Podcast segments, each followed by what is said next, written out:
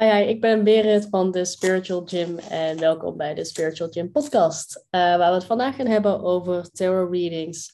Um, waarom ik ben begonnen, hoe ik ben begonnen, wat het precies is, uh, bepaalde mythes en wat je wel en niet moet doen tijdens een reading. Um, nou ja, we gaan beginnen waar ik eigenlijk begonnen ben. Uh, hoe ben ik hier begonnen? Hoe kwam ik hierbij? Het kwam eigenlijk omdat ik toen begonnen ben met een cursus richting uh, mentale gezondheid. En uh, daar werden wel eens kaartjes getrokken. En ik vond het toen wel super interessant. Maar ja, dat op dat moment dacht ik gewoon ah, leuk, kaartje getrokken. Um, en ik luisterde ook wel echt naar de betekenis meestal. En het hielp me ook. 9 van de 10 keer was het ook gewoon waar en hielp me super erg. Uh, maar het had, altijd, ja, het had altijd wel iets te maken met wat ik op dat moment meemaakte. Wat ik nou, best wel bijzonder vond. Toen ik daarna verder ging met coaching, met een langer traject, is het eigenlijk een beetje bij mij gebleven. En heeft mijn coach me toen ook een beetje aangedrongen om jezelf mee aan de slag te gaan. Omdat het voor mij toen zoveel nou, had gedaan eigenlijk om daar zelf ook uh, wat mee te gaan doen. Zodat het me ook dagelijks kon helpen en niet alleen als iemand het voorstelde om te doen. Nou, wat ik al zei inderdaad, is eigenlijk om meer, nou, meer om sturing uh, in mijn leven te krijgen. Ik vond het wel fijn uh, soms om dat setje te hebben. Um, om inderdaad toen aan hun te vragen van ja, kan ik het doen? En dat in een kaartje trokken en zeiden van, nou, misschien beter niet nu. Of uh, ik zou nog wel eventjes wachten. Iets in die richting. En ja, ik weet niet, ik vond het soms toch wel fijn om even dat extra zetje te hebben of zo. Um, net had een klein beetje zelfvertrouwen meer, uh, een beetje meer sturing. Want het heeft niks te maken met voorspellen in principe, maar het heeft gewoon te maken met wat jij in jouzelf um, zegt. De kaarten halen echt jouw onderbewustzijn naar boven. En dat is waar ze antwoord mee geven. Dus het is, hoe dan ook, zal het altijd in jou, in your favor, ja, in your favor uh, gedaan zijn. Dus ja, daar hoef je nooit druk om te maken. Zelfs niet als de uitkomst misschien iets is wat je niet zo leuk vindt. Goed, dat uh, terzijde. Dus ja, wat zij ook zei van, jij hoeft het niet per se van anderen af te laten hangen, want het is best wel makkelijk om te leren eigenlijk. Zeker, nou ja, als je echt alles uit je hoofd wil leren, dat is natuurlijk lastig, maar ja, zij heeft mij toen een beetje aangedrongen om daarmee aan de slag te gaan. En dat ik wat meer sturing in mijn eigen leven kon creëren ik vond het altijd best wel fijn, inderdaad, wat ik al zei toen ik kaartjes getrokken werden. Maar ja, dan ben ik afhankelijk van iemand anders. En zij zei: Jouw intuïtie is zo sterk. Ik denk dat het echt perfect is voor jou en dat je daar echt wel veel mee kan bereiken. Zo niet voor anderen, dan in ieder geval voor jezelf en je eigen leven. Dus um, ja, ik ben dat toen gaan doen eigenlijk. Vrijwel meteen. Een beetje op zoek naar anderen die hetzelfde deden, of die misschien net begonnen met, uh, met kaartlezingen. Ik ging even rondkijken of er misschien nog andere dingen te vinden waren daarover. En uh, of ze tips hadden om ja, hoe je het beste kon beginnen. En dat was eigenlijk mijn eerste stap. En daarna heb ik wat boeken besteld. Even kijken of de original Rider Waite. Ik weet niet eens hoe je het precies uitspreekt. Maar en uh, Tarot, No Questions Asked. Van Theresa Reed, de Tarot Lady. Zij is ook super leuk om te volgen. Mocht je het super interessant vinden, dan raad ik haar ook zeer aan om een volg te, follow te geven.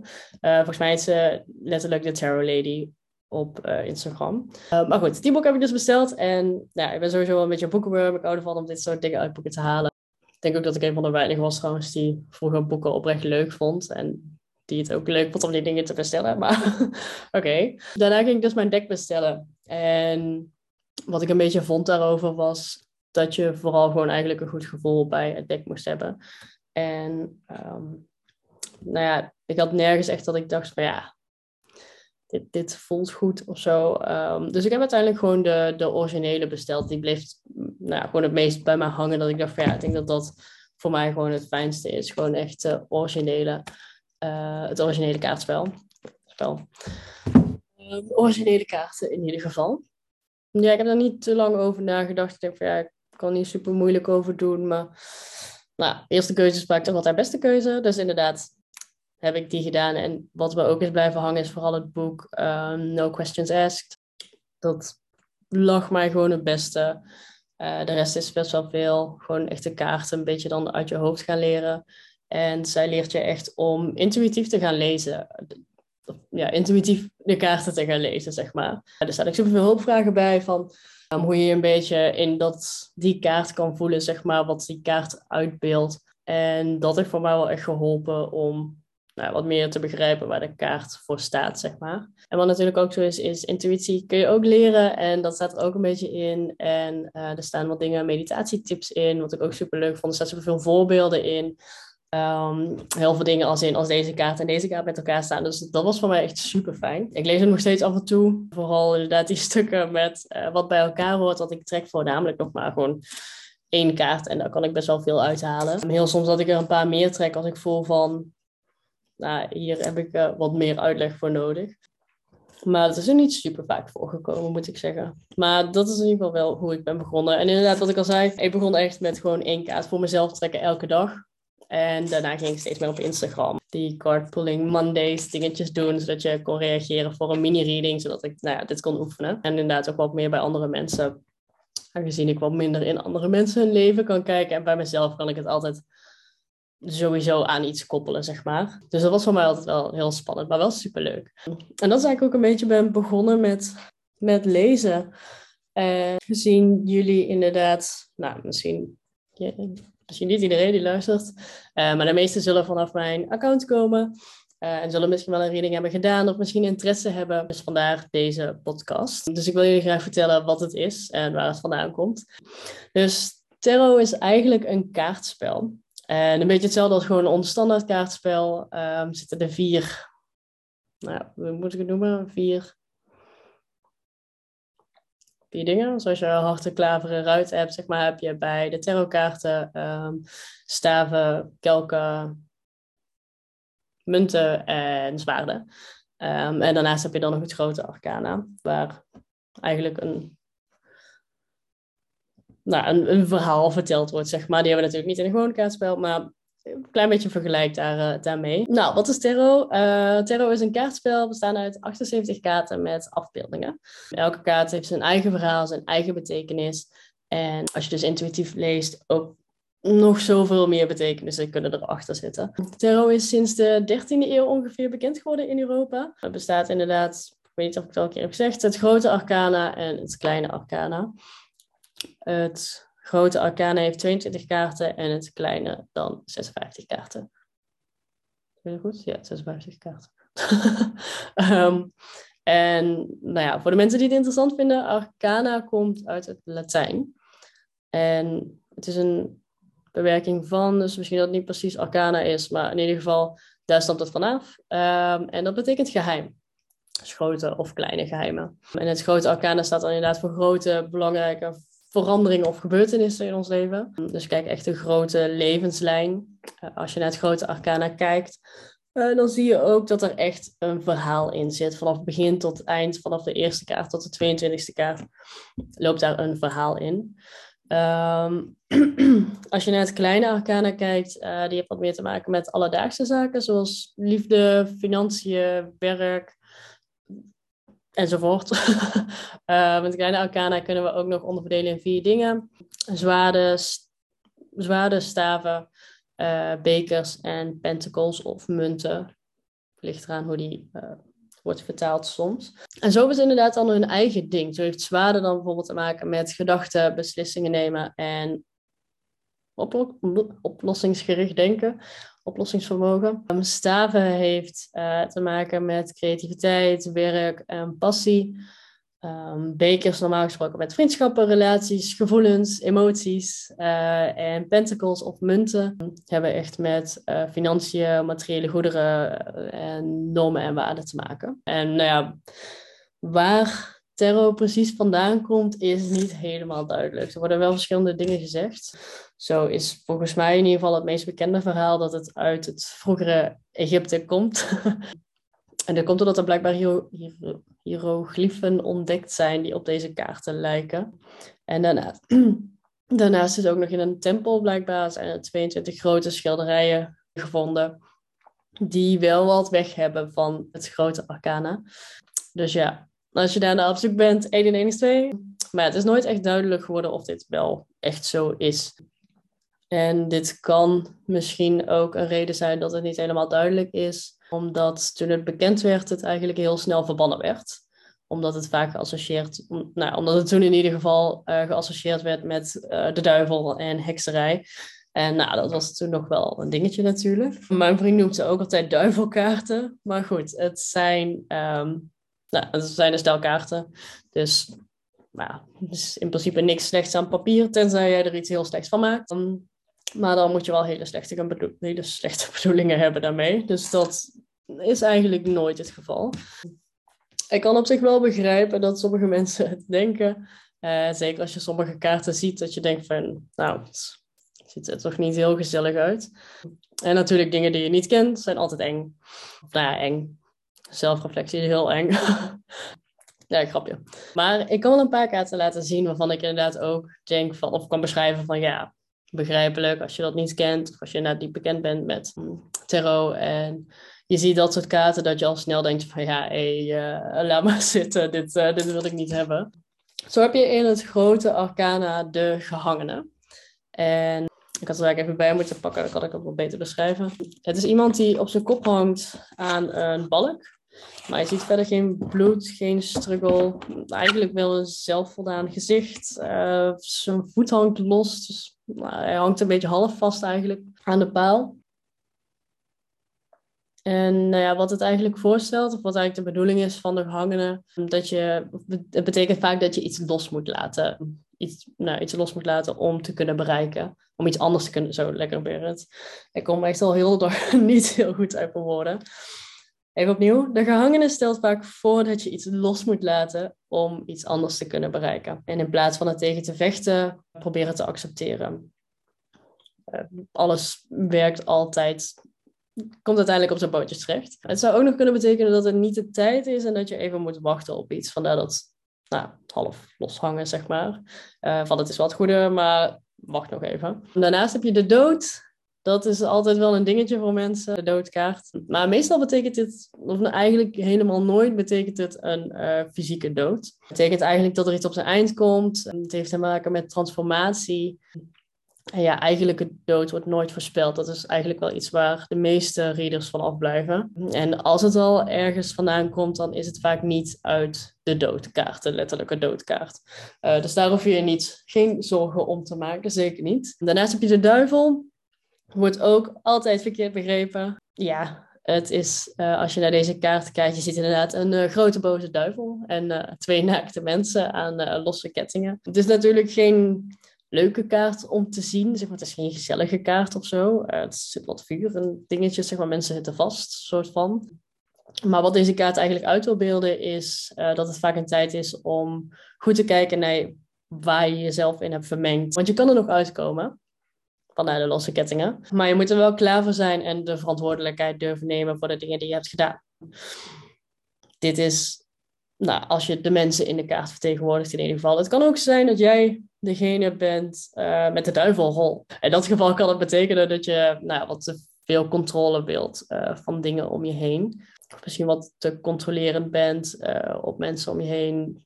Nou, alles in ieder geval in die richting. Maar inderdaad, zo zie je ook weer niet een super erge uitkomst als je uitlegt wat de kaart vaak betekent. Dan heb je de toren.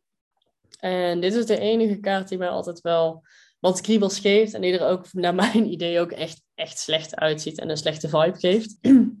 Het is namelijk een toren, dus is brand, de bliksem slaat in. Je ziet mensen vliegen, die volgens mij uit de toren zijn gevallen.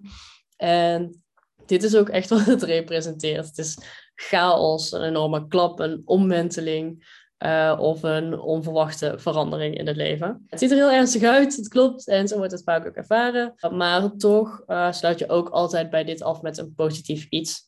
En um, deze kaart, nou, wat ik al zei, heeft die chaos, maar uh, dit betekent ook dat deze chaos moet gebeuren om plaats te maken voor iets beters. En dan heb je nog een paar kaarten die in het kleine arcana staan. Drie zwaarden en tien zwaarden. En de eerste van drie is, um, nou ja, ik ben toen ook niet zo heel erg vrolijk toen ik die zag. De eerste keer toen ik die zag was namelijk bij een, of stelde ik zelf een vraag aan de kaarten uh, hoe, mijn schooljaar, of hoe ik mijn schooljaar af zou sluiten. En nou ja, toen kreeg ik dus deze kaart en ik dacht echt meteen van, oh, oh jee. En um, ik wist toen nog niet wat ze allemaal betekenen, maar goed, het is een hart met drie zwaarden er doorheen. Dus nou ja, ik verwachtte niet heel veel goeds. Ehm, deze kaart staat ook voor pijn, verdriet en verlies. Um, nou ja, voor mij was het dus inderdaad duidelijk. Als ik zo door zou gaan hoe ik op dat moment bezig was, had ik het niet gered. En ehm, ergens wist ik dat ook wel.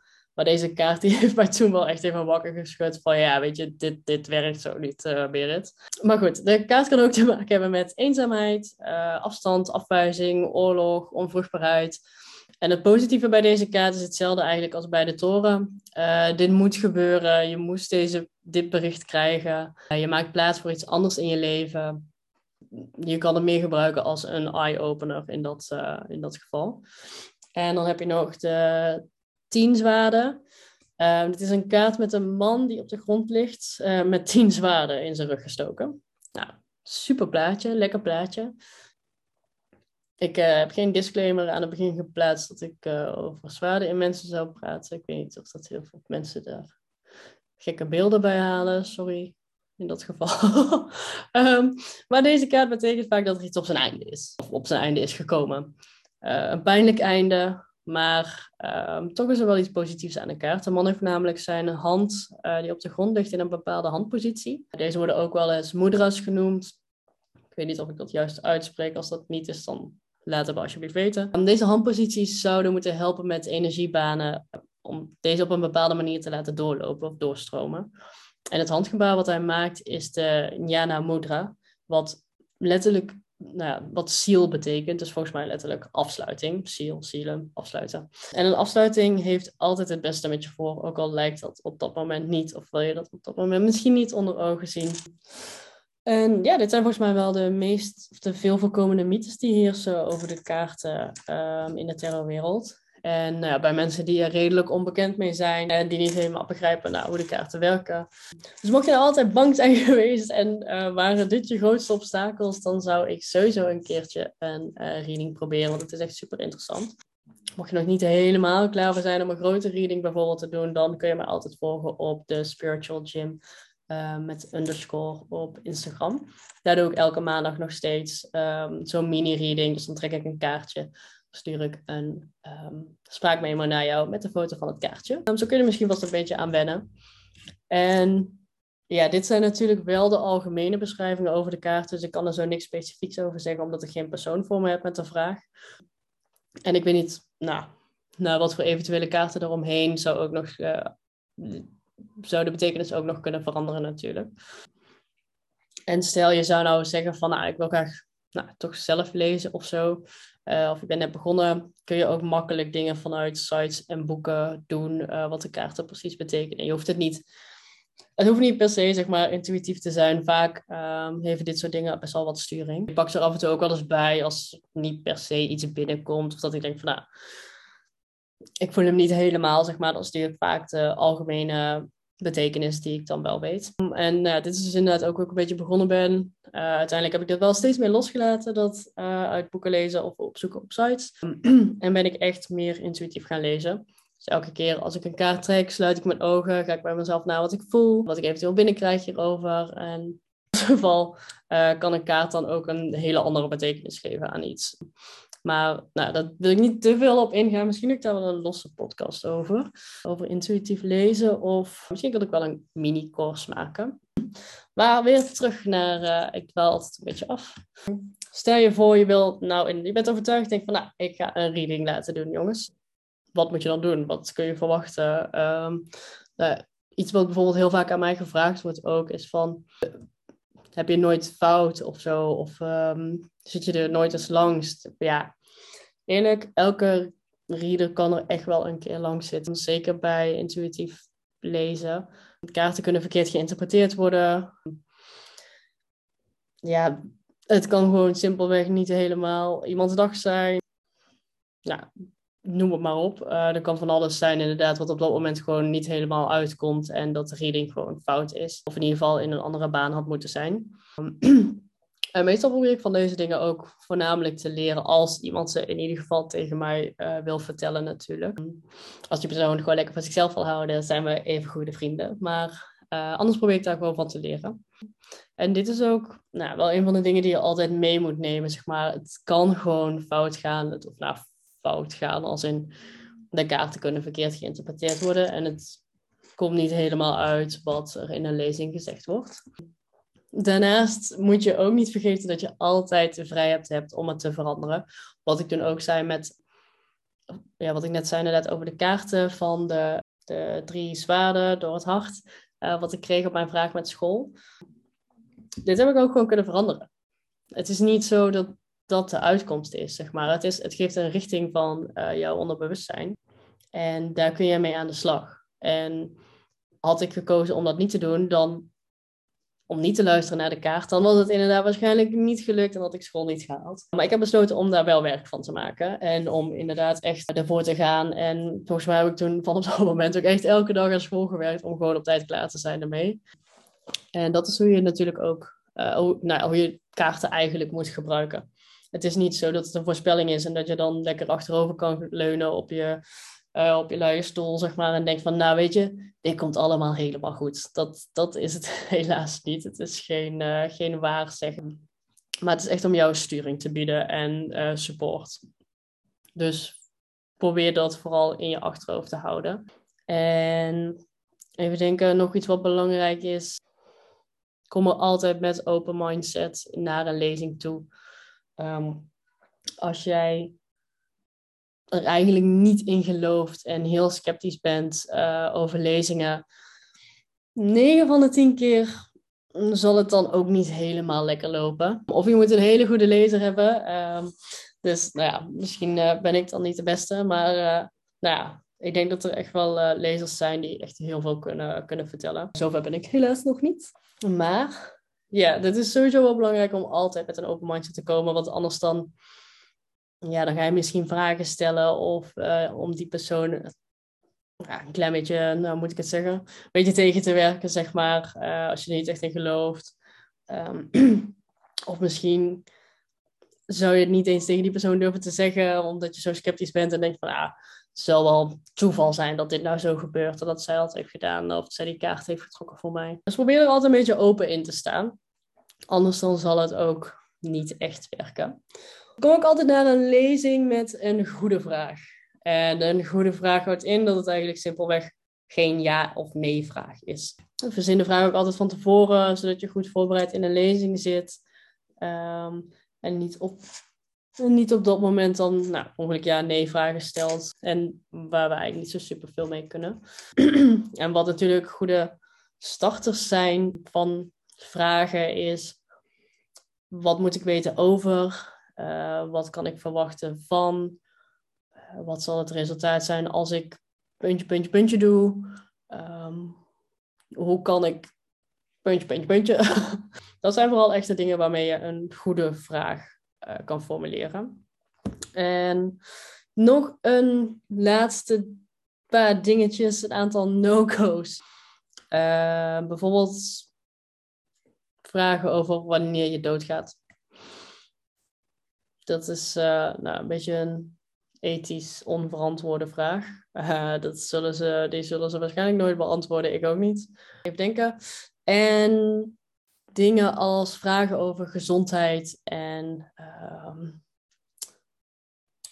legal matters. Um, nou, iets wat je gewoon zou vragen aan je dokter of je advocaat.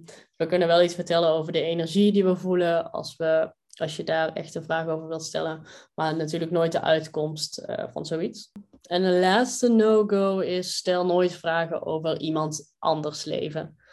Dat is niet van jou, dat gaat jou geen reet aan. Um, even heel plat gezegd. Nee, dat, nou, gewoon niet doen. en dan, nou, dat waren volgens mij de, de no-go's wel. Um, en om dan even deze podcast af te sluiten. Het is super lang geleden dat ik dit heb gedaan. Dus nou, ik hoop dat ik een klein beetje een logisch verhaal heb gemaakt. Om nog af te sluiten over wat tarot is. Tarot maakt je bewust van het onbewuste, onderbewustzijn. Het is confronterend, verhelderend, richtgevend, hoopgevend. Uh, het kan verklaren wat je hebt gedaan in het verleden. Het draagt bij aan de inhoud van je toekomst. Of jij nu voor je laat lezen of de kaarten zelf leest. Um, hopelijk heb je wat in deze podcast gehad en ga je snelle reading bij iemand of bij mij laten doen. Uh, op dit moment doe ik nog geen grote readings, maar dit ben ik wel van plan. Je kunt me wel vast volgen op Instagram en dan kun je elke maandag een gratis kaartje met uitleg van mij opgestuurd krijgen. Uh, dus volg de Spiritual Gym underscore voor meer. en dan hoop ik jullie in de volgende podcast weer te zien, te horen. dit klopt niet. Never mind. Doei!